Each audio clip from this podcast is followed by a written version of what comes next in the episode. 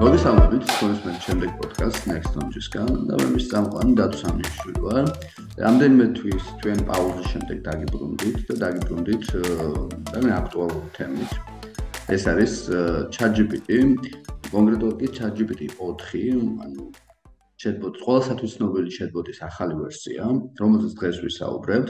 ჩვენი სტუმარი არის კომპიუტერული ინჟინერი თემურ ჩიჩუა. თემურ მოგესალმები, როგორ ხარ? გამარჯობა.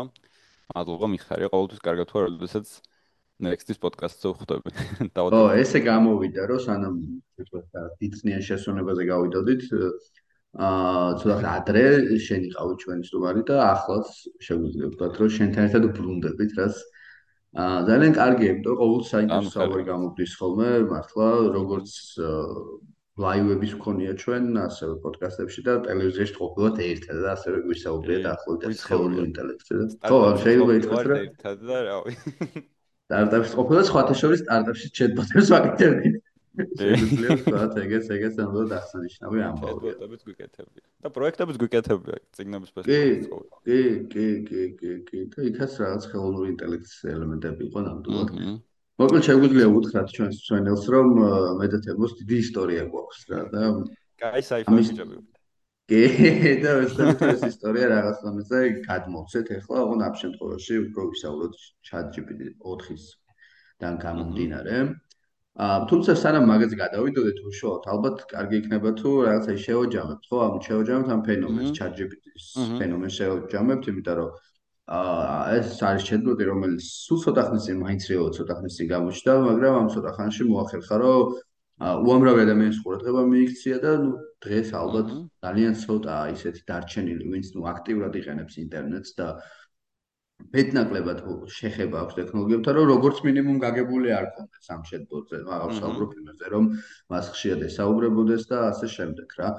და მულტიფუნქციურია ხო რეალურად. ანუ ეს შეიძლება გამოიყენო როგორც აი გინდათ უბრალოდ თავიდან როგორც ესმოდათ რა ბევრს როგორც ესმის რა უბრალოდ ესაუბრები ამაზე დრო გახავს მაგასთან ერთად ძალიან ბევრი პრაქტიკული რაღაცა შეგიძლია გამოიყენო ხო? მათ შორის ხა ჩვენ აი მეგობრებს გვაქვს რაღაც ერთი კომპანია გავაკეთეთ. ესეთი და აი ამ კომპანიაში არის ხოლმე რომ აი შეგიძლია მიწერო უკვე ეს ჩეტბოტი დაჟე მაგ ხრივადაც გაძლევს ჩემს რეკომენდაციებს რომ ახლად დაფუძნებული იქნება ეს სტარტაპი თუ კომპანია. აა რა მიმართულებით შეიძლება წახვიდე აუდიტორიას? მართლა რეალურად საინტერესო რჩევებს გაძლევს საკმაოდ რაც მომენტად არ მეკონა. მოკლედ ზამბერო არ გამიცელდეს, გადავიდეთ უშუალოდ შენთან გადმოვალ და მოდ დავიწყოთ ამ შეჯამებით მოკლედ რა, როგორ მოვედით 4-მდე, ChatGPT 4-მდე, რა გავიარეთ, რა გზა გავიარეთ და როგორ იყო ეს პროცესები.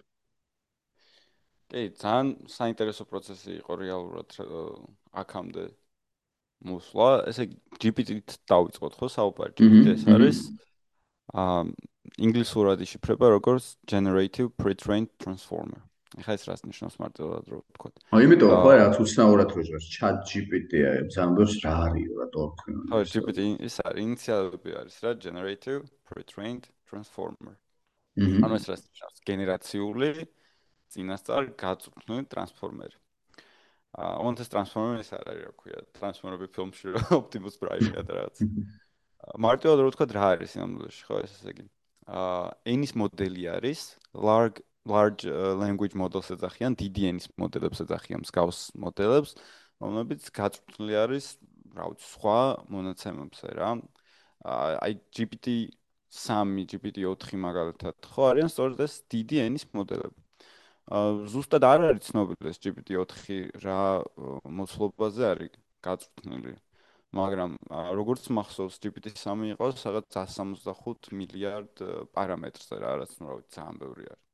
და ეხლა რა ის გაკეთება შეუძლია ამას რა GPT-3 ზოგადად როგორც თქვით არის გენერაციული მოდელი.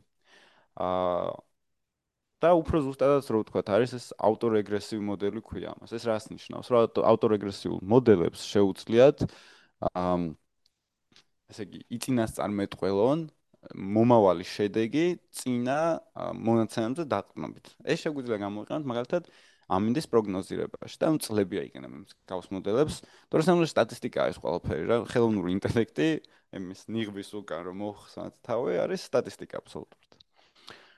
აა კომპიუტერული მეცნიერების დარგი, რომელიც ნუ სტატისტიკის გამოყენებით გვაძლევს ასეთ მაგარ საშუალებას, რა კომპიუტერს აძლევს საშუალებას მოკლედ რო ისწავლოს. აჰა. აა ხოლო ChatGPT არის მოდელი, რომელიც იყენებს GPT-3-ს, უბრალოდ იყენებდა ეს ძველი ძველი ChatGPT რაც იყო. და ეხლა როგორ? ესე იგი აა GPT არის ენის მოდელი, როგორც თქვი, რომელსაც შეუძლია შემდეგი მიმდევრობების გენერირება. ანუ იმის მიხედვით რა შეაუწერ, მაგალითად, წინადადებაში გამოტოვებული სიტყვის შევსება შეუძლია, შეუძლია რაღაც ისწავლოს რაღაც პატერნი, ხო, აი კითხვებზე პასუხი როგორ გასცეს, ან რაღაც როგორ ამოხსნას. თამაშებს ძალიან მაგარი ეს მოდელი. მაგრამ შემდგომ ადგენენ და ამ მოდელს ასწავლეს უშუალოდ კითხვებზე პასუხი. ანუ ჩვენ როცა მუშაობთ მაგალითად ჩატბოტებზე თუ გახსოვს ცალკე ვქმნით მათ რაღაც კითხვა პასუხების ბაზას ხო რომ აი მაგალითად ამ კითხვაზე ეს პასუხი იქნება ამ კითხვაზე ეს პასუხი იქნება და წარმოგიდგენ ესე ათასობით საუბარი ჩაწერეს მოკლედ ამ დიალოგები ჩაწერეს და ამაზე გაწვრთნეს ეს GPT-ის მოდელი. რომ აი ამ კითხვაზე ესე მიდის პასუხი ამ კითხვაზე ესე მიდის პასუხი და საბოლოო ჯამში შეიქმნა chat GPT რა. ამას ეგ პირველი საფეხური არის თვით დასწავლადი. ეს რაც ჩანს ესე GPT თვითონ სწავლობს რა, უყრით ამას ტექსტებს. და ტექსტის მიხედვით სწავლობს ენას. ხოლო ChatGPT არის მოდელი, რომელმაც ენის გამოყენება იცის უკვე სასაუბრო ამოცანების გადასაწყვეტად, კითხვებზე პასუხის დასაბრუნებლად მაგალითად. და ეს იყო სამ ChatGPT, GPT-3-ზე აწყობილი ChatGPT. მის შესაძლებლობები რაც იყო. რაც სინამდვილეში საკმაოდ დიდ დიაპაზონს მოიცავდა შესაძლებლობებს, როგორც ჩვენ თქვენ შეიძლება ყოფილიყო აა კითხვაზე პასუხის გაცემა იმ ცოდნით, რაც მას აქვს წინასწარ ასაკურველია, ანუ აი ეს გაწვრთნის დროს დაგროვებული ინფორმაცია, რაც კითხა, რომ აი GPT-3 მაგალითად, GPT-3 რო შეიქმნა, ხო, რაზეც იყო გაწვრთნა ეს GPT-3-ის მოდელი რა ინფორმაციაზე, მოკლედ ეს Wikipedia-დან იქნებოდა ამოღებული სტატიები, ციგნები თუ ასე შემდეგ, იმ ყველაფრის კონტექსტით შემდგომ უკვე ChatGPT-ს შეუძლია შენ რო გელაპარაკოს, რა.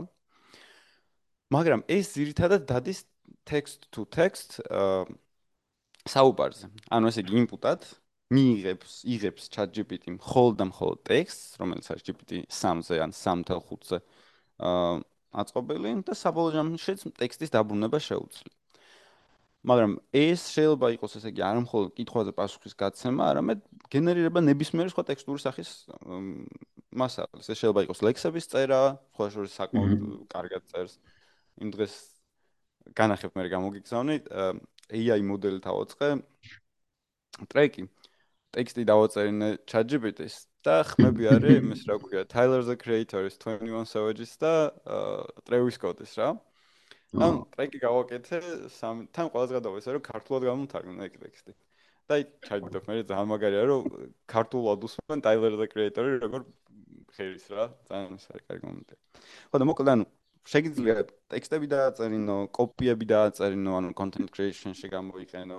აა შეგიძლია კვლევაში, research-ში გამოიყენო, დავალებების დაწერაში, კოდის წერაში, ანუ დავალებების დავალებები მისწეროში ასრულოს მაგალითად და მიუხედავად იმისა, რომ ესე იგი ის ვაფშე ვერ ხვდება, საერთოდ ვერ ხვდება სინამდვილეში ასაკითხები, ანუ ამას გააზრებას არ აკეთებს. მე როდესაც ცნობიერი არ გააჩნია რა ესე. ასაკურელი არანაირი ცნობიერი არ არსებობს. მას შეუძლია რაღაც ინპუტზე წინა გამოცდილების წინა გამოცდილებასთან დაყრდნობით რაღაცა პასუხი დაგიბრუნოს. ანუ აი მაგალითად რაღაც მომენტში იყო რომ Google-ის ტიპი რო იძახდა რა, ჩემი ჩატბოტი, ჩვენ ჩატბოტი იძახისო რომ ცნობიერი გამიჩნდაო რა. ხო, აი გამახსენდა სიგიჟეს გული. კი, მაგრამ ეგეც აბსოლუტურად ეს არის, რა ქვია. იგივე მოდელის ამბავია, რომ არაფერი ცნობიერი სინამდვილეში იქ არ ყოფილა. ანუ ხო და მაგასო იმ ტიპმა რაც იბაზრა სრული სიგიჟია თქო რა, და აბსურდი რა. რატო საიდან არა? არა სერიოზული ადამიანი, მოკლედ. კი, მაგრამ ნუ ჰედლაინებში მოხვდა და რა ვიცი, კარიერისთვის კარგი რამე გააკეთა რა თქმა უნდა. მაგრამ გააგდეს სამსკულიდან ეგეც უნდა. ხო, ნუ რა ვიცი.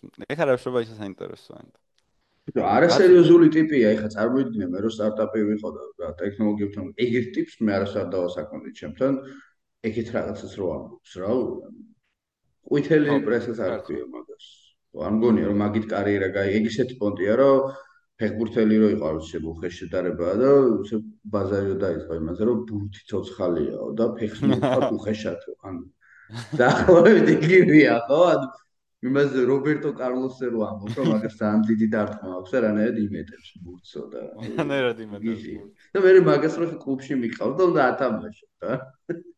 ხო მაგრამ ნახეთ საინტერესო მაგალითი მოიყვანე ბურთს არ შეუძლია სიმულირება იმის სიმულირება შეუძლია ChatGPT-ს ChatGPT აკეთებს ძალიან კარგად მართლა ინტელექტის სიმულირებას. ძალიან რთული სათქმელი არის ზოგადად ინტელექტი რა არის და ეს ტერმინი ხელოვნური ინტელექტი რა ვიცი ყველას თავისებური განმარტება ყველას თავისებურად ესმის რა.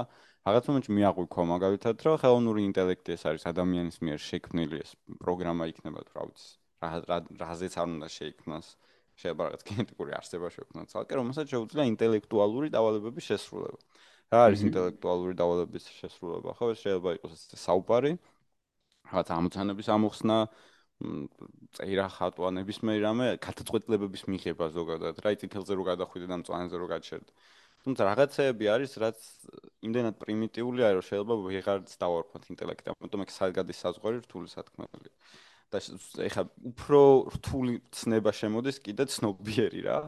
და მიდი და ეხა რა რა არის ეგ ცნობიერი და რა მომენტიდან უნდა ვთქვათ რომ ანუ რა ვიცი მაშინ აი რაღაც სულის დონეზე გადადის უკვე ეგ რა რომ ყველაფერს თუ ადამიანივით აკეთებს მაგრამ ადამიანის ხეული არ აქვს ეგ ცნობიერი არა აქვს და რაღაცა ძალიან შორს მინდის ეგ რა ვიცი მე მე ყოველ შემთხვევაში დიდად ამიზ და უკვე უფრო ფილოსოფიის ფილოსოფიის თემა არის რა მაგრამ პრაქტიკულად რაც მიზიდავს არის ის, რომ აი ჩვენ ძალიან ადრე ერთ-ერთ ლაივზე ზოგადად ხელოვნური ინტელექტზე საუბრობდით და იქ ვილაპარაკეთ, რომ საბოლოო ჯამში ლაივზე კი არის გადაცემა რომ მიყავდა მაგ მაგ პერიოდში ჩავწერეთ. ჯევლოპში რომ ჩავწერეთ თუ გახსოვს. აა, სულ ადრე, სულ ადრე. ეკი ძალიან წლების წინ. მან ვამბობდით, რომ საბოლოო მიზანი მაინც არის ეს, რომ general AI-მდე მივიდეთ რა ტიპს, რომელსაც ყველაფერს გაკეთება შეუძლია, ანუ ეს რა ცალკე მოდელები კი არ იყოს ესე გაყრილი რა. ერთი მოდელი, რომელსაც შეუძლია დანახვაც, წაკითხვაც, აზროვნებაც, საუბარს, ყველა ყველა ამცანი შესრულება მოკლედ. და საუბრობთ ადამიანზე უკეთაც, იმიტომ რომ აქამდე ადამიანი იყო ბენჩმარკი რა, ანუ ეს შესაძლებელი ეტალონივით. ანუ აი ტურინგის ტესტი მაგალითად მიიღო, რომ ადამიანივით თუ პასუხობს, ესე იგი კარგია.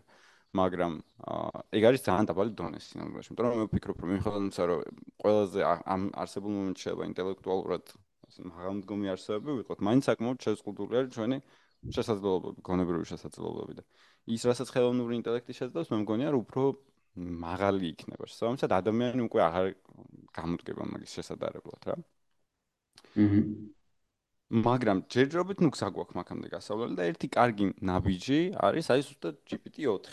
ახლა რადგან სხვადობა GPT-3, GPT-4-ისგან და აა რატო არის ესეთი ღირებული რა? რომ მივედეთ მაგამდე ესე იგი აა მულტიმოდალური მოდელი არის ზოგადად GPT-4 და რას ნიშნავს ეს? რომ თუ მაგალითად აა GPT-3 მხოლოდ ეს DDN-ის მოდელია, რომელიც გაწვდომი არის ტექსტზე მხოლოდ GPT-4 შეუძლია სურათის encryption-იც და დამუშავებაც. რაც იმას ნიშნავს, რომ იგი input-ად შეუძლია მიიღოს არა მხოლოდ ტექსტი, არამედ სურათი და ამის კონტექსტიდან წარმართოს საუბარი. ანუ ეს რა ზდის სერიოზულ შესაძლებლობებს ეს ზდის სერიოზულ შესაძლებლობებს მედიცინაში მეცნიერებაში ყველაზე მარტივი და მაგარი მაგარი მაგალითი ქონა თვითონ OpenAI-ის რომ მაციური სურათი იყო გამოღებული მაცივრის და იმას რა ქვია ChatGPT-ს ეკითხება რომ აი ეს მაგ მაცივარში რა და რა შემიძლია ამით გავაკეთო და რაღაც რეცეპტებს უგენერირებს რა. ანუ ეს ილუსტრაციებით ეკონტაქტები ხო დაახლოებით ანუ შეგიძლია რაღაცა ილუსტრაციებში. ხო კი, ტექსტ დაუმატო ვიზუალური აჰა მასალა რა. ანუ ესე იგი GPT-3 იყო unimodal-ს ეძახიან ამას და მხოლოდ ერთი სახის ინფორმაციის დამუშავება შეიძლება იყოს ტექსტური ფორმა. სურათებს და ასე შემდეგ სხვა ტიპის დატას ვერ ამუშავებდა რა, მაგრამ GPT-4 GPT-4 არის უკვე multimodal ტიპი რა, რომელსაც შეუძლია ტექსტის აღებაც, სურათის აღებაც და ანუ ამ კონტექსტში შემდგომ ბევრად უფრო კომპლექსური ამოცანების შესრულება რა. აა მაგრამ ეს არის ერთ-ერთი თვისება, ხა შესაძლოა ძალიან დაიხვეწა თვითონ ტექსტური ნაწილიც. აი, ცოტა ხანი გვერდით გადავდოთ ეს მულტიმოდალურობა და ის რომ სურათის დამუშავება შეუძლია. თვითონ როგორც ენის დამუშავების ნაწილში ბევრად უფრო წარმადი ტიპი გახდა. ესე იგი, აკურატულობა, ანუ სიზუსტე გაეზარდა. ესეთ რაღაცას ვეძახით hallucination ქვია, hallucinations ეძახიან, როდესაც მოდელი რაღაცას გიბრუნებს, მაგრამ ეს რეალურ შედეგამდე შედეგისგან შორს არის რა, მაგალითად, რო კითხო რა ფერია ცა. და რო გითხრას, რომ დედამიწაზე მანქანისფერი ატმოსფეროა. ანუ ხო აბსოლუტურად აბსურდი არის, მაგრამ მსგავსი რაღაცები შეიძლება დააბრუნოს ხოლმე მოდელმა რა. აი ამას ეძახიან ჰალუცინაციებს და ესე იგი 15-დან 20% პროცენტამდე არის შემცირებული ეს ჰალუცინაციების, ანუ ეს დამახინჯებული არასწორი, არალოგიკური აა ასუხების რეიტი რა, როდესაც ესე იგი რაღაც ტესტ ანუ სატესტო მონაცემებზე გაუშვეს. ანუ უფრო ჭკვიანი გახდა მაგხრივ სისულელს. უფრო ჭკვიანი გახდა, კი რა, სისულელებს უფრო ნაკლებად იძახის მაგრამ. ანუ და საუბარეთ 15-20%-ს დაახლოებით. 15-20%-ზე, ну, ეს არის ეს CEO, OpenAI CEO სამ ალტმანი არის ტიპ, რომელიც ამბობს მაგას, რომ შემცირდაო ამაცემს. აა და აი ეგ ხო, ხო, თქვი თქვი და მე რეკითხო. არა, კითხე კიდე, არ დამოვიწყო. აა ხო არა, ის იყო უბრალოდ რომ წარმოვიდგინე ხა ეს 15-20% პირობითად, მაგრამ აი აა შეიძლება დაინტერესოს რამ სვენელს რომ ხა ეს ტიპი არის რაღაც ჩეთბოძო საუბრობთ, რაღაც AI-ზე საუბრობთ და რა ვერ მოიხოდა რა 15-20%-ით და რის ხარჯზე ვითარდება ეს ჩეთბოტი რა? ერთი მარტივი პასუხი შემოვიღე ვიღაცებს რომ აი რა საუბრობს მაგით საუბრობს და რეალურად რა ხდება? ის ხარჯზე ხდება ასე თქვა ამის დახვეწვა რა? ბევრი მექანიზმი არის. პირველი არის რაოდენობა მონაცემების, რომელზეც არის გაწვრთნილი, ხო? ან წინაზე გითხარი 175 მილიარდი იყო. არ ამბობენ აა არ არის, ну, ყოველ შემთხვევაში მე არ ვიცი ზუსტად რამდენ პარამეტრზე არის ხა გაწვრთნილი GPT-4, მაგრამ რამდენჯერმე მეტი არის, როგორც ვიცი რა. ანუ ორჯერ მეტიც რო იყოს, უკვე ბევრი არის ძალიან. და აა შესაბამისად, ანუ ესე იგი მანქანური სწავლება რა არის? აი ამ ხრივ რა როგორც მაგალითად ავტორეგრესულ მოდელებში რა ესე იგი ეს არის ძალიან ბევრი წინა გამოცდილების დაგროვება რომ შემდეგ ზუსტი წინასწარმეტყველება გააკეთო. შესაბამისად რაც უფრო მეტი მონაცემები გაქვს, მით უფრო ზუსტი გამოდის წინასწარმეტყველება. რაღაც მომენტში შეიძლება ანუ ეს რაღაც პირდაპირ პროპორციული ფუნქცია არ არის, რაღაც თავისებური ფუნქცია არის, ხო? ანუ პირდაპირ არის თარგმნება ესე იგი რომ ორჯერ მეტი მონაცემი თუ გაქვს, ორჯერ უკეთესი მოდელი შეიძლება არ გამოვიდეს. მაგრამ მაინც მასში არის რა ქვია, უბრალოდ პირდაპირ პროპორციული არის, მაგრამ ესე დამოკიდებულებაში არ არის, რაღაც პირდაპირ ეგრე არ უნდობესებს. მაგრამ ესე იგი ერთ-ერთი კომპონენტი და მნიშვნელოვანი კომპონენტი არის ეგ, რომ უკეთესი, უფრო მეტი მონაცემები შეიძლება ქონდეს. მეორე არის ხო ეს ხარისხი. მონაცემების ხარისხი არის ძალიან მნიშვნელოვანი რა. აა ერთი აი თვითონ რაც თამამენ არის ის რა, მაგალითად აა ბევრად უფრო ნაკლები, ანუ გაფილტრული არის მონაცემები და ბევრად უფრო ნაკლებ რაღაც მექანიზმები აქვს ისეთი, რომ ნაკლებ არაზუსტ ფაქტებს გიბრუნებს შენ რა. ერთი კიდევ მნიშვნელოვანი რაც არის ეს არის კონტექსტი მაგალითად. ანუ ესე იგი ამ ტრანსფორმერებს მთელი უნიკალურობა მაგათი არის ის რომ შეუძლიათ კონტექსტს მიყოლა. ანუ საუბარში ესე იგი მთელი საუბრის კონტექსტს მოყვებიან. და ეს რა ქვია GPT-3 იყოს შეზღუდული ეს ტოკენი არის რა თითოეული ერთეული რაც თამუშავებს ეს მოდელი. იყო 20 აა უბრალოდ 20 არის არის GPT-4 არის 30000-ზე მეტი ტოკენის დამუშავება შეუძლია, რაც არის 25000 სიტყვა რა, რასაც კონტექსტში შეუძლია მოყვეს. ხოლო GPT-3 შეიძლება 4000 ტოკენი, ანუ სადღაც 3000 სიტყვა. ანუ თითქმის 10 ჯერ გაიზარდა, ესე იგი კონტექსტი, რომელსაც შეუძლია გამოყვეს. და შესაბამისად უფრო ადეკვატ, ანუ მაგალითად ციგნის წერის დროს, ხო? აა წარმოიდგინე წინა შემთხვევაში რაღაც 3000 სიტყვის მერე უკვე წინა ნაწილის კონტექსტ კარგავს, კარგავს, კარგავს. ხოლო ეს GPT-4 შეუძლია რა ვიცი 25000 სიტყვის მანძილზე მოყვეს კონტექსტი ისე რომ არ დაკარგოს რა საკმაოდ დიდი ეს არის გამოჭობესება არის. აი ეს ზუსტი სხვა ეს მექანიზმების თქმა ცოტა გამჭირდება რა აქვს გამოყენებული რომ იმის იმისთვის რომ უკეთესი გახდეს მაგრამ ეგ არის რომ მეტი მონაცემები არის. ну ეს არის რომ კონტექსტის ზომა გაიზარდა ან ტოკენების რაოდენობა გაიზარდა და ხო, ანუ გავსმენ. ხო. და ანუ ეხ წარ ხო, ხო. არაფერი, რა არის, აგვიანებს ხოლმე ხმას და ანუ არ გიგონოს რომ საი რამის უბრალოდ ვერ ხვდები ხოლმე რაღაც მაგნა, ამიტომ ცოტა გვიან მოდის, ანუ შეიძლება მკითხო. არა, ხო, არაფერი, უბრალოდ მაგ მაინტერესებდა რომ ან დაუშვათ სიტყვაზე ეხა მივედით ამ ეტაპზე, ხო, რადგან შენ საუბრობ და ანუ სიტყვაზე იყო საუბარი, რომ იქ 20%-ით უფრო ზუსტი, ანუ ერორები ნაკლებად აქვს მოკლედ და ასე შემდეგ, შემოვიდა ეს ვიზუალური მხარე. და ასე შემდეგ რა. აა შემდეგ აი შენ როგორ წარმოგიდგენია სიტყვაზე, რას ველოდებით შემდეგზე? ანუ პირობითად რა, ანუ აი რა უფრო სწორედ მოდი მანამ შემდეგზე გადავიდეთ, მინდა მაინც საუბროთ, აი შენ ეს კიდე რა აკლია ყველაზე მეტად ამას აი კი გეტყვი. ხვდები რა რა რა გაკლია შენ პირადად რა აი ასე თქოდი რომ რა რა ჯობია რომ დაემატოს რა. კი გეტყვი. აი ერთო რამეს ვიტყვი რაც აქვს რაც დამიხარია რომ ახალ ვერსიას აქვს. და მე გეტყვი რა გამიხარდებოდა რომ კიდე ქონდა რა. ერთი მნიშვნელოვანი რაც არის არის ეს რომ ბევრად უკეთესი გახდა კომპლექსური პრობლემების ამოხსნაში. იქნება ეს მათემატიკური თუ რაღაც სამეცნიერო დამტკიცების გაკეთება რა, ანუ ლოგიკის ნაწილის სიმულირება ხა ბევრად უფრო კარგად შეუძლია. რამდენიმე საფეხურიანი ამოცანების ამოხსნა შეუძლია უკვე მაგალითად. რა ძალიან კარგი არის და ამ საფეხურს ახსნა შეუძლია თვითონ რა. პროგრამირების ხრივაც გამთარდა და იმ სურათების აღქმის შესაძლებლობა მის საშუალება რომ გრაფები გაანალიზოს. მის საშუალება ის რომ დატა მონაცემი ამოიღოს უკვე სურათიდან რა ვიზუალური მასალიდან შეიძლება ნუ ეს ძალიან მაგარი არის იმიტომ რომ ჩვენს ადამიანები მარტო ტექსტით არ ვაზროვნებთ რა ვიზუალურად ვაზროვნებთ საკმაოდ და ეს ძალიან მომწონს რომ ე კომპონენტი დაემატა. ემოციების აღქმაც ბევრად უფრო კარგია ვიდრე მესამე მოდულს მაგალითად რა. მაგრამ რაც მე მაკლია ეს არის long term memory. და ეს რას ნიშნავს? რომ ანუ ის კონტექსტი არის სინამდვილეში მთელი მაგის მეხსიერება რა. ერთი არის რომ აქვს თავისი ცოდნა რაზეც შეუძლია რომ ილაპარაკოს და მეორე არის ეს short term memory რომელსაც ამ კონტექსტს რასაც ვეძახი რა. აი წარმოიდგინე ყოველ დღე რო იღვიძებდე და არ გახსოვდეს არაფერი წინა დღიდან ეხლა ეგეთი რაღაც არის ChatGPT რომ ყოველი ახალი საუბარი არის ეს ახალი ეს რა ქვია რაღაც წინარე ცოდნა ერთი აქვს საუბარს რო ეწყოს მაგრამ მე ინდივიდუალურ ტიპს ელაპარაკებ. რაც რაღაც მომენტში ცუდია იმიტომ რომ მე ძალიან მომწონებოდა ამ ტიპის რო კონდეს ცალკე კიდე long term memories. რაც საშუალებას მისცემდა რომ წარსული გაიხსენებინა აი მაგალითად რომ მე თქვა რომ აი ერთი წლის წინ რო კლევაზე მუშაობდი იქიდან ამომიღე რაღაც გარკვეული მონაცემები და გამოიყენე ამ ახალი თეზისის შესამოწმებლად. აი მსგავსი დავალება რო შემისრულოს. ხვდები ეს იქნება ძალიან მაგარი იმიტომ რომ მე რო ყვიღებთ რაღაცას რასაც ძალიან დიდი კონტექსტის გამოყენება შეუძლია და ეს ჩემი ერთ-ერთი კონკრეტული მაგალითი გამოვიყენე, მაგალითად ყველაში როგორ შეიძლება გამოვიყენო, მაგრამ ანუ აი აბსოლუტურად ყველა პროცესის კონტექსტის გააზრება რო შეიძლება და მაგით გადაწყვეტილების მიღება ეს რაღაც უკვე სუპერ ჭკვიან ტიპ ტიპზე გვაქვს რა საუბარი. ადამიანს მაგალითად არ შეუძლია რომ ძალიან ბევრი ცვლადი გაითვალისწინოს, შეზღუდულია რაღაც დონეზე.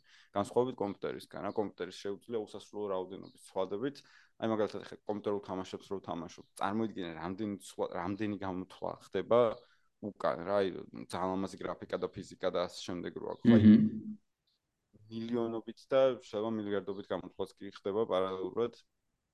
რაღაც მომენტში რა. ანუ ხო. ამში რა. სექშეტრაც რა ვიცი.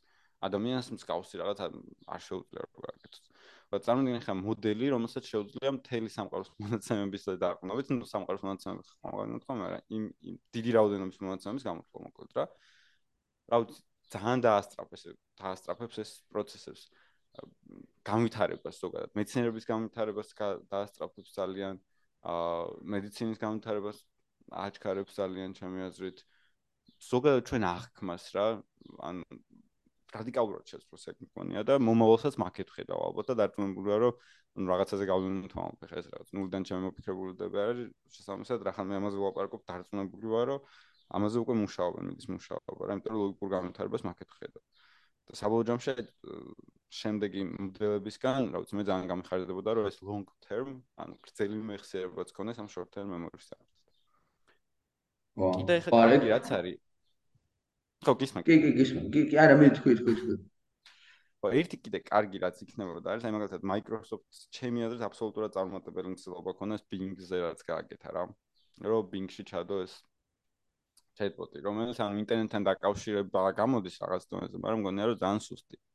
მაგრამ სამყარო ახლა არის აწყობილი API-ებით, რა. API ეს არის ესე იგი პროგრამის ინტერფეისი, ანუ ერთია რომ აი Facebook-ზე შედიხარ მაგალითად და Messenger-ზე შენ ადამიანი გრაფიკული ინტერფეისით წერ რაღაცეებს, ხო? მაგრამ მეორე არის ეს ბაიკმან ჩაიარა. მეორე არის ეს პროგრამირებადი ინტერფეისი. რომელზეც უკვე პროგრამებს ერთმანეთთან კომუნიკაცია შეუძლია და წარმოიდგინე ChatGPT არის პროგრამა რომელსაც API შეუძლია მაგალითად ინტერნეტთან დაკავშირება Google Search-ის გამოყენება, Google Maps-ის გამოყენება, რაღაც Spotify-ის გამოყენება ასე შემდეგ და უკვე ის მთელი ცოდნა რაც ჩვენ შეიძლება ინტერნეტში ვიღებდეთ, ამის დაკონექტება შეგიძლია რა. და მე ამოცანებში გამოყენებ. და აი ძალიან კარგი open source პროექტი არის, რასაც მინდა რომ ერთი ორი სიტყვას თქვა, ეს არის AutoGPT რა. GitHub-ზე დევს ნებისმიერ ტიპს შეუძლია გამოიყენოს ეს კოდი და აი ამათი ამ ტიპების იდეამიც გააკეთა იყოს, რომ მოდი მიუშვათ ეს ChatGPT ინტერნეტთან, რომ შეძლოს დავალებების შესრულება. და ანუ ესე იგი, თუ მაგალითად ChatGPT არის ინტერნეტში საიტზე, ანუ რაღაც ვებგვერდი არის, ხო? ან API შეიძლება წლომა, ეს AutoGPT შეიძლება მოკლედ გამოიყენო იმისთვის, რომ აი შენი ლოკალური ფაილები დაამუშავებინო, ხო? აი კოდი დააწერინო შენ კომპიუტერში მაგალითად და ინტერნეტში მიუშვი. და დავალებები შეიძლება მისცე უკვე, რომ აი მაგალითად დასასვენებლად მიდიხარ პირობითად და ეუბნები რომ მოდი ამა და ამ რიცხვში მიპოვო ყველაზე იაფად, სად შეიძლება დავისვენო რაღაც რომელიმე ქვეყანაში ესპანეთში მაგალითად. ტიპს შეუძლია რომ შევიდეს შესაბამის საიტებზე გაპარსოს მონაცემები, დამო აი აბსოლუტურად თვითონ რა, რაც საოცრებაა. პატარა კვლევა ჩაატაროს, მოკლედ ამ კვლევის შედეგები მე დაგიბრუნოს, რომ აი აქ და აქ შეგიძლია ყველაზე იაფად გააკეთო. რაც ძალიან კარგია. რაღაც მომენტში თუ გახსოვს ანიმაციაში გვინდოდა მსგავსი რაღაც გააკეთება, რომ API-ები დავეკავშირებინა სხვადასხვა სერვისებთან და მე ჩატს შეძლებოდა ამის ამაზე საუბარი. და ნუ რაღაც ეგ ეგ ესე იგი ყველაზე მინიმალურია იქიდან ის გაკეთება შეუძლია. რა კვლევის გაკეთება შეიძლება მთლიანად ამ ავტო GPT-ით ნებისმიერ თემაზე. შეიძლება ეს იყოს რა ვიცი ციგნისთვის რაღაც ინსპირაციების მოძიება მაგალითად მასალის დაგროვება შეიძლება იყოს რაღაც არტ პროექტისთვის ან სამეცნიერო პროექტისთვის ან DIY რაღაც საით პროექტისთვის მოკლედ სულ უფრო და უფრო უახლოვდებით აი ჩემ ფანტაზიაში შეაცმოს ტონი სტარკის ცხოვრების სტილს. რო ყავს შენი AI რომელიც არის შენი საუკეთესო მეგობარიც რაღაც მომენტში და თან კოლაბორატორი, რომელიც რომელსაც შეუძლია თან იმუშაოს. თან დივანიც არის კი და თან შეუძლია რომ შენთან ერთად იმუშაოს რა, ანუ თელი ამ ჭკუა მოკლედ ტონი სტარკის იყო იქით ამხარეს, ანუ ის სისტრაფე და სიჩქარე რა ტონი სტარკი აკეთებდა მაგალითად გამოგონებების და ასე შემდეგ იყო მთლიანად ეს რომ მაგარი AI ქონდა რომელიც გამოწვევს აკეთებდა ძალიან სწრაფად და სიმულაციებს და ასე შემდეგ. რაღაც მომენტში მაგისკენ გადადგმული ძალიან დიდი ნაბიჯი არის რა. AutoGPT და აი მე მაკეტკენ ხედავ და მინდა რომ წავიდეს რეალურად ეს ყველაფერი რომ აა გავიმარტივოთ და გავისწრაფოთ ყოველდღიური ამოცანების შესრულება მოდელების გამოყენებით. და რეალურად მაკეტკენ წავიდა რა, ეხლა ჩემი მეგობრები რასაც იყენებენ, მე რასაც ვიყენებ არის ის რომ რაღაც რუტინული ტექსტი თუ გაქვს დასაწერი მაგალითად ან რაღაც დიდი ტექსტის დასაკითხის ამერიზაცია შეიძლება გააკეთო და ბევრი სასარგებლო რაღაც მოიტანა უკვე ჩემი აზრით ChatGPT, მაგრამ პარალელურად ეგ ნიშნავს რომ აა რადგან შეცვლის ცხოვრების სტილს ნიშნავს რომ ჩვენს მოგვიწევს გადავეწყოთ. რა მე ჩემი მაგალითად როგორც პროგრამისტის პროფესია საბედნიეროდ მე მარტო პროგრამისტი არ ვარ ზოგადად პროგრამული ინჟინერი ვარ და მთელი არქიტექტურის აწყობაზე და გადაწყვეტების შექმნაზე მუშაობ. მაგრამ მაგის ის კომპონენტი რაც არის კოდის წერა ნელ-ნელა გახდება აი როგორ რაღაც იცი აბსოლუტურ ანუ უნარი რომელიც ყველა პროგრამულმა ინჟინერმა უნდა იცოდეს მაგრამ ხელით კოდს აღარავინ არ გაწევს ალბათ რაღაც 5 წელიწადში რა იმიტომ რომ ბევრად სწრაფად კარგად აკეთებს ამას ეს რა ქვია ChatGPT და ChatGPT-ს არ ჭირდება დასასვენებლად წასვლა არ ცივდება და ხა ChatGPT-ს რო ვამბობ ეს კონკრეტულ ChatGPT-ს არ გულისხმობ უფრო საუბრობ ამ მოდელზე რომელიც ამ 5 წლის მერე იქნება რა იმიტომ რომ ხა ბევრი სხვა სხვა მოდელი არსებობს ანუ არ არის ერთადერთი ეს ChatGPT რომელსაც გავსი ამ ცანების შესრულება შეუძლია. მე მაგალითად, რა ვიცი, დიდი ხანია უკვე ვიყენებ. ეს არის რა ქვია, Copilot-ი არის GitHub-ის ტიპი, ეგეთი AI არის, ჩემს ედიტორში ცხოვრობს, ჩემ კოდს უყურებს და მაგის მიხედვით მე მირჩევს ხოლმე, რომ აი კოდის წერისას ძალიან სწრაფად მოკლედ რა ვიცი, 10 ჯერ მაინც აჩქარდა ჩემი მუშაობის სისტრაფე, რაც Copilot-ს უზენებს რა. და ასე ვთქვათ, ხარისხით მე ვფიქრობ, რომ გაუმჯობეს და იმიტომ რომ ბევრად უფრო ანუ Copilot მაიცის ესე იგი GitHub-ზე ატვირთული კოდის რა ვიცი რაც არის მთელი კოდი ალბათ რაც დამწერე მაგის დიდი ნაწილი ყოველ შემთხვევაში მთელი არ არის მაგრამ დიდი ნაწილი. და ეს ნიშნავს რომ ცუდი პრაქტიკებიც აქვს ნახე და ისეთი პრაქტიკებიც აქვს აი საუკეთესო კოდის წერები როგორც წერწენ მოკლედ რა. და მე შეიძლება ყველა ყველა მიმართულებით ეგეთი მაგარი სოლუშენები შეიძლება კი რა შეუძლებელია. ყველა მიმართულებით ეგეთი კარგი სოლუშენები მოიფიქრო და ამან იცის უკვე საუკეთესო სოლუშენები და პირდაპირ მაგას თავაზობს რაც თვითონ ჩემი კოდის ხარისხს ზრდის უკვე რა. მაგრამ მე ვფიქრობ, რომ ეგ მოხდება ყველა პროფესიაში და საბოლოო ჯამში ადამიანს ალბათ უფრო ნაკლები შავი სამუშაოების შესრულება შეუძლია დასჭირდება ინტელექტუალური მხრივ. ამას გამოთვლების აი კალკულატორმა რაც გააკეთა ეგ რეალურ ქოგოს რა. რომ ხილით აღარ წევს ბევრი გამოთვლების კეთება, ეხლა მეცნიერი რო ხარ, კომპლექსურ გამოთვლებს აკეთებინებ კომპიუტერს რა. მაგრამ რაღაც მომენტში პროფესია გაჩნდა ვიღაცა ვინც იცის ეს პროგრამა პროგრამა როგორ დაწეროს ან ეს ძანება როგორ დაუწეროს კომპიუტერს რა. რაღაც ეგრე წარმომიდგენია რომ ეს იგი პროფესიები გახდება საჭირო რომელმაც იცის ხელოვნურ ინტელექტთან ერთად მუშაობა რა. რაც თან ძალიან მარტივი იქნება, იმიტომ რომ როგორც ხედავ ეს საკომუნიკაციო ენა არის ადამიანური ენა, ხა როგორც მე და შენ ერთმანეთს ვაგებინებ, ზუსტად იგივე ენაზე მოხდება მე ისთან კომუნიკაციაც. უბრალოდ აი ეს კონკრეტული ნიშ კუთხეები შეიძლება ჭირდებოდეს რომ ჩემთვის აი საინტერესო და მოსახერხებელი როგორ გადაწყვეტო რომ კონკრეტული ამოცანები რაც ჩვენ პროფესიას ხოწება ხელოვნური ინტელექტის შესაძლებლობა ერთი ადამიანის ინდივიდის შესაძლებლობებიც მაგრა იზრდება იმიტომ რომ აი თუნდაც სიმღერაზე რაც გითხარი რომ დავაგენერირე რა ესე იგი ერთი ადამიანს შემიძლია დაუჯდე და მთელი ლეიბლი ვიყო ანუ ფიტები ჩავწერო ხუთი სხვადასხვა მუსიკოსი შევქნა მაგალითად. სნოუში მე ვიქნები მაგრამ რაღაც ორიგინალური სხვადასხვა ხმებით ანუ მთელი ალბომი ავაწყო არტისტების რაღაც ბენდი ან რაღაც ეგეთი რა. ეს მუსიკის ხრივ მაგალითად. ან აი მაგალითად საიტის აწყობის ხრივ ძალიან მეხმარება mid journey იმიტომ რომ დიზაინური გამოცდილება დიზაინის ხრივ გამოცდილება არ მაქვს კარგი რა. მაგრამ მაგას ვაწყობინებ კონცეფციებს mid journey-ს ვახატინებ რაღაც საიტის კონცეფციას და მე მაგის მიხედვით ვაწყობ მაგალითად საიტს რა არის ახლა სტარტაპი ეგეთი Galileo AI, რომელსაც საშუალება აქვს რომ text to design გააკეთოს. ანუ ხო text to image მაგალითად რა. მაგალითად text ჩაწერე და ფუნქციონალურ დიზაინს გიბრუნებს უკვე, ანუ კოდი არის რა, რომელიც შეიძლება გამოიყენო პროექტში. და ის ყველა ხელსაწყოები ერთი ინდივიდის პროდუქტიულობას უზრდის ზრდის მოკლედ საოცრად. და ძალიან მომწონს ეგ ნაწილი რა. აი მაგალითად გენერაციული მოდელების შემდეგი თაობა ალბათ ზუსტად ეგეთი ან ეგრე დაიხვეწება რომ ერთ ადამიანს self production-ის აწყობა შეგძლოს მაგალითად დაწერო ტექსტი რომ გამიკეთე ვიდეო გაკვეთილი რომელიც ამიხსნის როგორ როგორ გავლაკო მაგალითად ხის ზედაპირი და ვიდეოს დაგენერირებს ან თელ ვიდეოს დაგენერირებს მაგ პრომპტის რა რაღაც მაგ მიმართულებით ხედავ და ძალიან მომწონს ეგ იმიტომ რომ შემოქმედებითად მოკლედ აი მე მაგალითად არ მომწონდა ის რომ ერთ ადამიანს ბევრი დროის დახარჯვა გიწევს რომ დახელოვნდე რაღაცეებში. ბევრად გასწორებდა რომ შეგვეძლოს როგორც მატრიცაში არის რა ნეურო დაერწდება და რაღაც რომ გადმოიტვირთება ცოტა მაგისტრი რა წარმოგიდგენთ შემხარ არც კი გჭირდება რომ გადმოიტვირთოს ეგ ყველაფერი AI გააკეთებს მაგ საქმეს რა შენ შეგიძლია მართო უბრალოდ ეგ პროცესი ანუ შენ არ გჭირდება საათები დახარჯო ის 30000 საათის ის რო არის ხო რომ დამასტერდე იმისთვის რომ ამაზე ნახატი გააკეთო მაგალითად ჩვენი ბრენდისთვის რა რაც კავერი აწყო ან რაც გიტარის დაკვრაზე ივარდაშონ რაღაცა მოკლედ ძალიან ბევრი იმისთვის რომ საბოლოო ჯამში თუ პროდუქტი გინდა პროდუქტამდე უფრო სწრაფად მიხვალ მაგრამ მე მგონია რომ ამავდროულად ვინც ხელით მუშაობს აი ინდუსტრიალიზაციამ ხო იგაკეთა რომ ვინც ხელით მუშაობს აი იკეას სკამი არის და მაგიდა იაფი არის 100 ჯერ შეიძლება ვიდრე ვიღაც ტიპმა რომ ხელით აგიწყოს ეს ყველაფერი. ანუ ის შეიძლება უფრო ფასეული გახდეს მე რა, რომ ადამიანის აუთენტური ადამიანის გაკეთებული უკვე რაღაც ის იყოს, ადამიანის დროის ღირებულება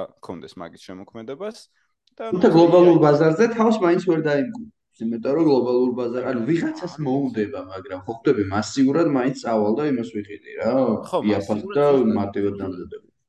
ზუსტად ეგრე იქნება, რომ ვიღაცები მცაი ძალიან კარგი ხელოვნები არიან თავის საქმის სხვა სხვა მიმართულებით. ისინი დარჩებიან, როგორც ეხლა რაღაც ძალიან ნიშ პროფესიები შეიძლება გადარჩა ინდუსტრიალიზაციის მერე, ხო? აი იუველირები მაგალითად, ხო, ვინც რაღაც ძალიან დელიკატურად აკეთებენ საათის ბიზნესი ან ასე შემდეგ, ხო? მიუხედავად იმისა, რომ მანქანებზეც ხო მაგათაც მიადგება მართალი გითხრა ეგრე მგონი, გულწრფელი რო იყო, მგონია რომ მაგათაც მიადგება. სადღაც, მაგრამ მე მგონია რომ ისე შეძლებს რომ მომენტ აი ხა მე რო ავდგები და აი გავარდა რაღაც ძალიან დეტალურად რაღაცას ხელით ვაკეთებ, მოვა ის მომენტი, რომ მაგასაც უფრო სწრაფად გააკეთებ და უფრო დახვეწილი იქნება და ნუ აი რაღაცა უნდა ჩამოვკიდო რაღაცა სახში ისეთი ნივთი, რომელიც ანუ მილიონჯერ მეტ შრომას ითხოვს და ხარისხიც ბანძია, ანუ ნუ არა. პრინციპში ხომართალი. კი, დროის ამბავია. მე უფრო ეხა ახლომოვალს უყურებდი, მაგრამ რაღაც მომენტში აი რადიკალურად გადაეწყობა სამყარო, რომელშიც ცხოვრობს და ხო აი ადამიანის როლი გახდება გადახედვადი ძალიან, იმიტომ რომ აქამდე სულ ისე ისე უყურებთ მაგ ყველაფერს, რომ შრომა ქმნის ადამიანს და ტანჯვა და უნდა დაიბადო და უნდა იმუშაო და უნდა სახე გაგძრეს და ჩაუხრელა და რაღაც და უცებ შემოა შეიძლება. თუ ის დისტოპიური მომავალი არ გამართლა რა მე უფრო უტოპიური მომავალისკენ ხედავ მაგას რომ აბსოლუტურად სხვა წყობილება იქნება საჭირო. ეკონომიკური წყობილებაც აბსოლუტურად სხვა იქნება საჭირო. და თან ბევრი რამე შეიძლება და ძალიან მეჭირს თქვა როგორ და საით იმიტომ რომ ეხა თუ ვინმე გეტყვის რომ აი ეს და ეს იქნება 10 წლის მერე აბსოლუტურ აბსურდს იძახის დამეჭერე იმიტომ რომ ზუსტად არავინ არ იცის რა მოხდება მომდევნო 10 წელიწადში. ბიჭო, ძალიან ცოტა ისეთ შეიძლება გავუჭრათ რა, არ ვიცი ხა მე ზოგადად მაგას რო სხვანაირად ვუყურებ რა.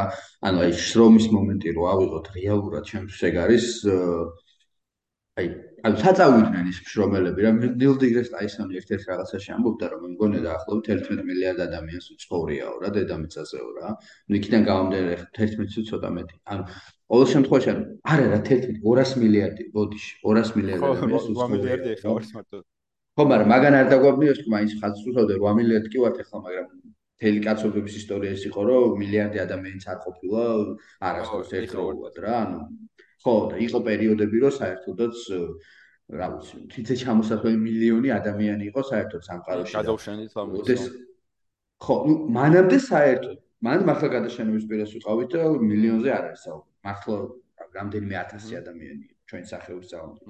მაგრამ ნუ დაახლოებით 200 მილიარდს მე ხეს ციფრებს არ აქვს აქ მნიშვნელობა რამდენსაც ხო რამდენიმე მილიარდ ადამიანს ნამდვილად უცხორია ჩვენამდე და საწავიდნენ რა ესენი რა მაგის თქვა მინდა საწავიდნენ და იშრომ ეს და ნაგავსაყრელზე წავიდნენ. რა ანუ აი რა პირდაპირ თქვა ან ნაგავსაყრელზე წავიდნენ იმიტომ რომ ანუ არც ვიცით საერთოდ ვინ იყვნენ ანუ რა იყვნენ მაგრამ რაღაც დონეზე იშრომ ეს და მე რაღაც ამას უყურებ არ ვიცი ხა რა რა ქვია მაგას მაგრამ აი აი წარმოიდგინე ადამიანი რასაკეთებს რა იბადება რაღაცა პერიოდი უნდა იცხოვროს მე ხვდება ну окей შულსაც შულს ახსოვს გამრავლდეს და ანუ მე ჩემი ანუ პაპა ჩემის პაპა ვინ იყო უკვე აღარ ვიცი მართლა არ ვიცი, ანუ დღეს დამაყენო კედელზე სახელიც არ ვიცი.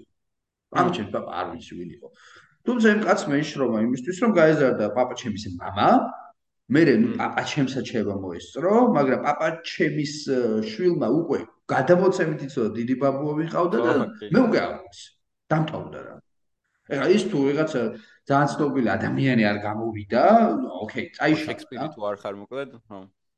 ხო, მაგრამ ნუ, ოკეი, სულ შექსპირიც რომ იყო, მოდი ესე ვთქვა, შექსპირიც ვინ არის? რაღაცა ჩვენ გონებაში ცხოვრები გადმოთარგმნილი რაღაცა რა. ნაწარმოები კი დაწერა, მაგრამ ინტერპრეტაცია ნაწარმოებს ეწევა, აღარ პიროვნებას. ეს პიროვნება არის რაღაცა ინტერპრეტაცია. ხო, ანუ ინტერპრეტაციების რაღაცა ნაწილია ეხა რა, ანუ ვიღაცამ გადმოგცო საბოლოოდ, ნუ აი ეს იყო შექსპირი. მე რა ვიცი მართლა მაგრამ მაგასაც რო თავიდან მე რისკმა მინდა საბოლოოდ რომ ეს ყველა ადამიანი ჩემი ეს რაღაც მომენტში რომ არის ჩართული გაუაზრებლად რაღაც შრომის პროცესში რომელსაც მოხს განვითარება. ანუ ვიღაცამ შეიძლება მთელი ცხოვრება არაფერი არ აკეთა პირობითად მაგრამ მაინც რაღაცა აკეთა. ანუ აი რაღაცა უჭველი აკეთა. რა ბოლო-ბოლო ნუ რავი შვილი გააჩინა და მე რა იმან შვილი შვილი გააჩინა იმან შვილი გააჩინა და ანუ უსაზრო უდიდესი საქმე შეიძლება, აი ვიღაცამ შეიძლება პირველ ყოფილმა ერთ-ერთმა ადამიანმა შეიძლება ვიღაცა ჩასახა და იმან მე აინშტაინის ჯაჭუ გააჩინა პირველ. არაფერი სხვა იმას არ გაუკეთებ, პირველ აინშტაინს ერთ-ერთ პირველს დავამბავ სინდაპარს, პროსტა უბრალოდ ადგა გამოქვაბულში შევარ და ვიღაცა პომბალი ჩაარტყა ვიღაც კაც, მეორეს ეს ხალი.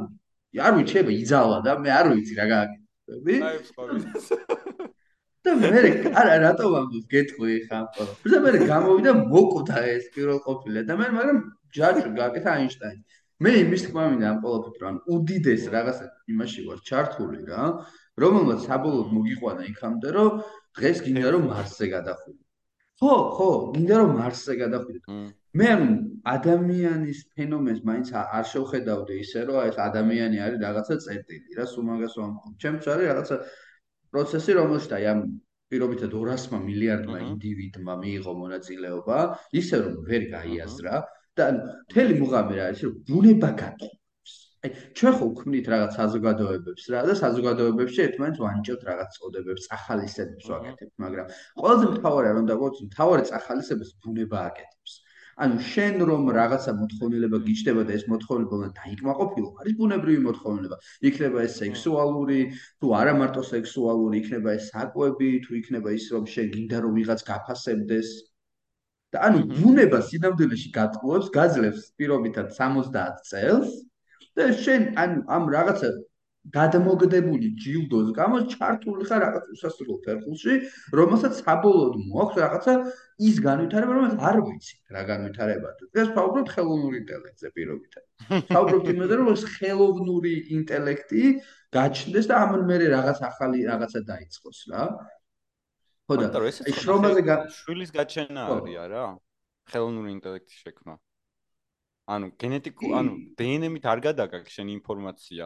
მაგრამ თუ დაფიქრდები კილობაიტებში გადადის შენ ინფორმაცია თუ გენეტიკურ სპირალში არის ჩახოვული, რაღაც კონტექსტი შეიძლება ძალიან მნიშვნელოვანი აღარ იყოს. არანაირი მნიშვნელობა არ აქვს ჩემს, იმიტომ რომ რეალურად დედამიწაზე სიცოცხლე მაირჩია ეს გზა, მაგრამ სადღაც შეიძლება ამ ქიმიურ დონეზე ისეთი სიცოცხლის ფორმები არსებობდეს, რომელიც უბრალოდ ჩვენთან კონტაქტში ვერ შემოვიდეს ფიზიკურ დონეზე, იმიტომ რომ ჩვენთვის საწამლავი იყოს. ჩვენ ვიყოთ მისთვის საწამლავი. Carbon based life forms თუ არ ჩვენ პირობითად ვიღაცა შეიძლება საერთოდ სხვა რაღაცა იყოს და ხო ანუ მისთვის საწამლავი. იმიტომ რომ ისეთი პლანეტა და იქ ისე გაჩნდა სიცოცხლე რა და ანუ ეს რაღაც სახით ყოფნა ანუ მაგის კომიდა დღეს არ ნიშნავს იმას რომ ეს რაღაცა გზა არის რა. ამიტომ ჩვენ თვითონ უკვე ხედავთ რაღაც ალტერნატივებს ჩვენ თვითონვე ვაჩენთ ამ ალტერნატივებს რომელიც არ ვიცით სად მიყვარს. და შრომაზე გამახსენდა როგორც რაღაც სიტყვით გამოსვლა გამომივიდა მაგრამ ანუ იდეა ეგ არის რა რომ ანუ ჩემთვის ანუ ეს შრომა შრომა არის ისეთი რაღაცა რა ანუ გაუგებარი სინამდვილეში რას აკეთებ რაღაც დონეზე. ფანდი რომ შენ გეუბნებიან რომ მოდი ასე გააკეთე რო გინდა რომ იცხოვრო ანუ მიიღო რაღაცა სიამოვნება საზოგადოებრივი კულტურული და ამასთან ერთად ბუნებრივი და საბოლოოდ მაინც შენ მიდიხარ იმაზე, რომ მე მგონია რომ ფიზიკურ მაშინვამ შეიძლება ისე დონეზე აღარ იარსებობს, პრაქტიკულ დონეზეც, მაგრამ წარმოიდგინე რომ ანუ რაღაცას ისეც მაინც გააკეთებს ადამიანი ჩემი აზრით, რომელიც ანუ ვერ გაჩერდება რა. აი, ხო ხდება ასო. უბრალოდ აი, ხელოვნური ინტელექტის შემთხვევაში მე ცოტა მაგის მეშინია, თუ მაგას ცნობიერი არ გაუჩნდა, мотивация არ აქვს რეალურად შეხედე. ანუ მას შენ ეხლა როგორც არა, აი ყურე, მაგას შენ ეხლა არ არ უყურე, მაგას შენ ეხლა როგორც მანქანას ისე ამუშავებ რა. ანუ შენ მას, ანუ მას არ ჭირდება მოტივება ბჭალებში იმის გამო, რომ мотиваცია გქონდეს. მეც დავალება აკეთებს. ხო. მაგრამ, მაგრამ ძალიან კაი, მაგრამ სინამდვილეში ჩვენც ხომ მანქანა ვარ. ჩვენც ხომ мотиваც, ანუ ჩვენც დავალებას გვაძლევს ბუნება. ანუ ხო ანუ ჩვენ დავალება არის მაგალითად რომ უნდა გამოვიდეთ ხო მაგრამ ჩვენ თვითონ შევჭამ არჩევნის თავისუფლება ჩაჯბეთის ხო და რამდენად გვაქვს ეგ არჩევნის თავისუფლება სინამდვილეში? ხო ეგ კარგი კითხვა ის ან ფილოსოფიური კითხვა არის კიდე რა ცალკე ცალკე იმენა სერიოზული საუბრის თემა არის. მაგრამ მარტი მაგალითზე რომ დავიდეთ მე შეიძლება შენ გთხოვ რომ დათო რეფერატი დამწერე რაღაც თემაზე მაგალითად და თქვა რომ ეხა ან არ შემიძლია ან მეზარება ან რაღაც სხვა საქმე მაქვს და ჩაჯბეთის არ შეუძლია ან თავისი არც мотивация რა თვითონ საერთოდ უნდა იმის დაწერა. მაგრამ თან არც არ უნდა. თან ანუ არც უნდა არც არ უნდა რა. ეგ მცნებები არ არსებობს მაგისტვის და მე რაღაც მომენტში მომწონს იმიტომ რომ თუ აბსოლუტურ ანუ არსებას შევქმნით რომელსაც სიხარული, ტანჯვა, სიკვდილი და ასე შემდეგ შეუძლია, მაშინ რა აზრი აქვს? ანუ მე მგონია რა ეგ არის ჩვენი მინუსები პირიქით რა. ჩვენ რო ვკვდებით, მაგრამ მინუსი არის მაგალითად. ჩვენ რო ვიზლებით, ძალიან დიდი მინუსი არის, რომ ვიტანჯებით, რო ტკივა რაღაცები და ასე შემდეგ, იქ არის ყველაფერი მინუსები, რომელიც ანუ ევოლუციისთვის შეიძლება გჭირდებოდა, რომ მაგრამ ევოლუციას შეხედე, ევოლუციისთვის არ არის ეგ მინუსი. ევოლუციისთვის შენ არ ხო, კი, კი, ზუსტად. მაგრამ რაღაც მომენტში ხო აღარ გჭირდება, ეხა შეიძლება რა. მაუც მე ვფიქრობ, რომ ხო, ამ ეტაპზე ამ ეტაპზე ჯერ კიდევ გჭირდება მაინც, მაგრამ ცოტა უფრო მაღალ ცივილიზაციამდე თუ მივაწევთ, ხო?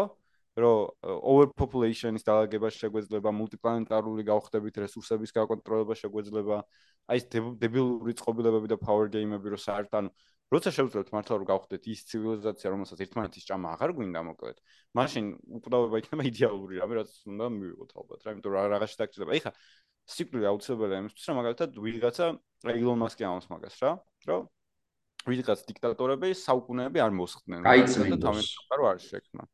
ან ხო რა, რომ დედამიწა არ გადააივსოს, მე მართლა ერთმანეთს დახოცვა დაგვჭირდება. მაგრამ ეს პრობლემები თუ მოგვარდა, მაშინ უბრალოდ საცდობა იქნება რომ ვკლებოდეთ რა, ანუ უკვე ლოგიკური ანუ ესე გაправება მაინც შეიძლება იპო, გამართლება მაინც შეიძლება იპო რა რა. ой, ძალიან ფილოსოფიურ ამბებში დავით ახლა ჩვენ მგონი, მაგრამ ხო რა ვიცი, მე მგონია რომ ხო. არა ხო ეგ კიდე ალბათ ალკე ალკე საუბრის კი. გავაკეთე არ უბრალოდ ეხლა დაინტერესო იქნება, კი. ეხლა მე უბრალოდ ის ChatGPT-ზე დაუბრუნდეთ, ისე ვის გამახსენდა შენ ამბობდი, რომ კონტექსტის მომატებაზე რა, ანუ თუ უფრო ედი კონტექსტად შეუძლია აღქმა რა და მაგან რაღაც დონეზე ის გამახსენა რა ტვინში ჩავინიშე და მეთქი კითხავ თქო მე ანუ ჰერო არის ფილმი ხო იცი? კი, კი. აა ხო და ანუ ეგ რაღაც დონეზე ჩატბოტი არ არის იდეაში უბრალოდ მაგას აქვს მე მგონი ზუსტად ეგ მომენტი. ზუსტად ეგ მომენტი აქვს მაგ ჩატბოტს რომ ანუ კონტექსტი მახსოვრებს რა ანუ ხო მაგას კი ტიპი რო ელაპარაკებოდი კი. აი long term memory აქვს მაგას. ანუ რაც აი მე ვთქვათ რომ სამი თვის წინ მქონდა. ხო, ნუ ანუ ამ ტიპს ეს ტიპი რო ებაზრება ამას მეორე დღეს რო იგუზებს hello-ს უწევს ისე სტანდარტულ hello-ს არ ეუბნება რა. ანუ იცის რომ ეს ის ტიპია. თუმცა ფილმში ჩანს რომ ეს ამას რო ესაუბრება კიდე უამრავს ესეც ესაუბრება. ხო, მან ბოლოს ეგ შეიძლება რომ ანუ ამას რო გონია რომ რაღაცა პირადი ის დაამყარა, ანუ ეს ყოველას იგივენაა პრინციპი, ანუ სამაგი ან შეუძლია რომ მილიონ ადამიანთან საუბარიც დაიმახსოვროს კონტექსტუალურად რა. რაც უკვე ძალიან ართულებს, ეხა ჩემი ტვინისთვის უკვე წარმოუდგენელი ხდება ეგ, რომ ანუ აიდე შეტო ხდება წარმოუდგენელი, ანუ მეც ვარ ადამიანი, რომელსაც ეგ არის ლოგიკური განვითარება, რაღაც ეგეთი უნდა იყოს რა. ხო, კონტექსტ, ანუ ალბათ ეს გენერალური, ანუ AI-საც ეძახიან, ანუ მაგის დასაწყისი ეტაპი და გარდამავალი ეგ უნდა იყოს, რომ ჯერ მართლა კონტექსტუალური ის დაიწყოს ახლა ალბათ, ხო, რაღაც დონეზე. ხო, ანუ კონტექსტი უნდა იყოს კონტექსტისთვის, აი ხა ამ პოდკასტის კონტექსტი არის შევ მაგალითად და მარტო ამ პოდკასტის კონტექსტში რაღაც ხდებოდეს, მაგრამ ეს ყველაფერი უნდა იყოს დიდი ცნობიერება, ცოდნის ნაწილი კიდე რა, ანუ დიდი მეხსიერების ნაწილი და უბრალოდ საუბარი შეიძლება იმ დიდი მეხსიერებაში რაღაც კონკრეტული კონტექსტი წავიდეს. ერთი კიდე ერთი რაღაც მინდოდა რა, სულ ცოტა ხნის იყო ესეთი ამბავი, აქვს თუ ნახე კიდევ ჩვენ next-ზე გქონდა კიდევაც მაგას დავწერე რა, მეც რომ აა თამაში Google-ის ინჟინერებმა ჩააშენეს ერთ-ერთი თამაში ჩააშენეს ეს chatbot-ი ChatGPT და პერსონაჟებში იყო ჩაშენებული თუ ნახეს არ ვიცი და ამ პერსონაჟებს მე უფრო აი რაღაც დაახლოებით როგორც ეს თამაში არ ვიცი რა არის მაგრამ ანუ გრაფიკა თქმა უნდა პრიმიტიული იყო მაგრამ დაახლოებით სიმსირო არის თამაში რაც პერსონაჟები არიან და თავის ცხოვრება და თუ გითამაშია ეგეთი ამბავია რა, ანუ ჩააშენეს და ანუ ამ ტიპებს ვთხოვდა თუ ეს ტიპი იყო ვიღაც პერსონი, რომელიც დილით მიდიოდა სამსახურში და ამის ფუნქცია იყო, მე გაუშვათ ზუსტად ეგ მომენტი რა, წარმოიდგინე რომ ინტერაქცია დამყარდა მაგათთან და რაღაც ხასიათი გაუშვათ და მე ამათმა გადაწყვეტეს ერთმანეთ დაეპატიჟებინათ თუ რაღაცა ვალენტინობის დღე აღნიშნესო თუ რაღაცაო რა, ესეთი იყო ამ სტატიაში ეწერა კვლევაში რა და უბრალოდ მაგან მე ხა აი ამ ამ ახალ ამ გაძლიერებულ ჩატბოტებს რო საუბრობთ, მაგალითად წარმომიყენა ესეთი რაღაც წარმოდგენა, რომ რამდენად შეიძლება რომ ინდაც კომპიუტერულ თამაშებში აღმოჩნდეს მსგავსი ჩატბოტების ჩაშენება მოხდეს. და რაღაც დონეზე ეს პერსონაჟები ინტერაქციულებიც გახდნენ ინტერაქციულები არ არასწორი ინტერაქციული არა. უფრო გახდეს ისეთი რა ანუ უფრო ინდივიდუალური გახდეს რაღაც დონეზე ანუ ცხოვრობდნენ ვირტუალური ცხოვრება რო ხო AI ჩაშენდეს და იმან განვითარება დაიწყოს რა. რაღაც დონეზე არ ვამბობ ცნობიერს რა თქმა უნდა მაგრამ გულისხმობს რომ ის თუ რა მოხდება მასთან ამის მიხედვით იცვლებოდეს ეს პერსონაჟი წარმოიდგინე რა. ეხლა ამ ფაქტოდ ახალი დინაბეჯეთ ახლოს რომ დავამტკიცოთ რომ სიმულაციაში ვცხოვრობთ კი თუ იცი ნილ დეგრასის ცნობილი არგუმენტი არის ეგ რა რომ თუ ჩვენ შეგვიძლია შევქმნათ სამყარო რომელშიც მოხდება ფიზიკის სიმულირება და სამყაროში შეიყვან ინდივიდებს აგენტებს ანუ ადამიანების მსგავსად რომელსაც ცხოვრების სიმულირება შეუძლიათ.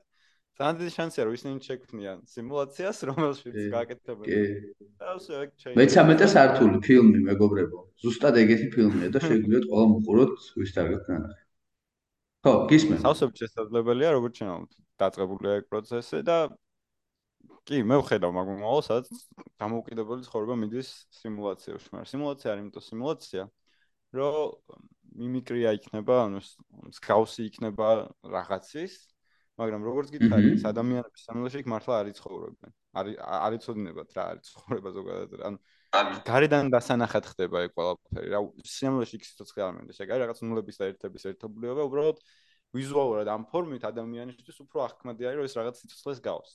თორე სინამდვილეში ეს ყველაფერი უკან იქნება მათემატიკური კალკულაციები, რომელიც საბოლოო ჯამში გრაფიკას გაძლევენ. შენ რომ ვიღაცა ვალენტინობას აღნიშნავს თავის საყვარელ ბოტთან ერთად, ანუ ერთი ბოტი და მეორე ბოტი ძალიან მყართ ერთმანეთი.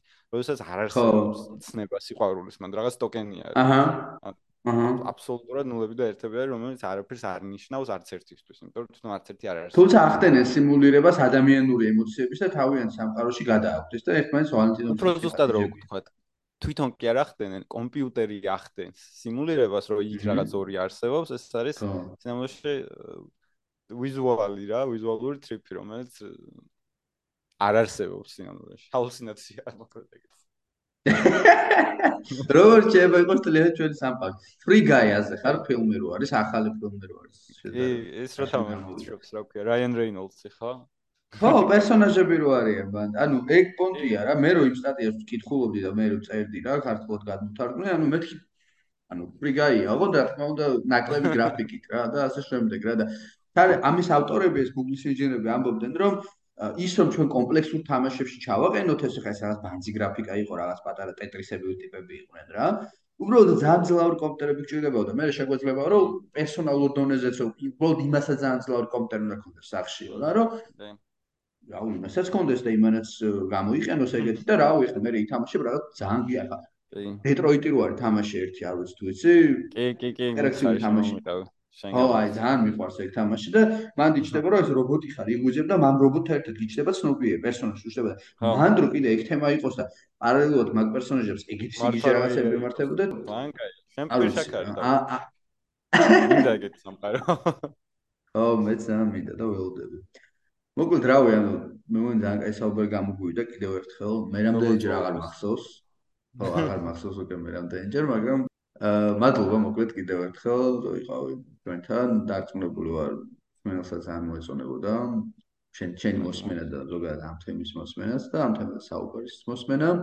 მადლობა მოკლედ კიდევ ერთხელ დაგემშვიდობებით დროებით და სვენელსაც მადლობა აა მადლობას მოუხდი რომ მოგვისმინა და შევკვირდები რომ ახლა მომავალში კვლავ გავაგზავნებთ ჩვენ პოდკასტებს და ეს სამთვიანი შესვენება მოკლედ აღარ გვექნება იმედია კიდევ ძალიან დიდი ხნით აღარ გვექნება ესეთ დიდი შესვენება ძალიან კარგი წარმატებები და ვეძებთ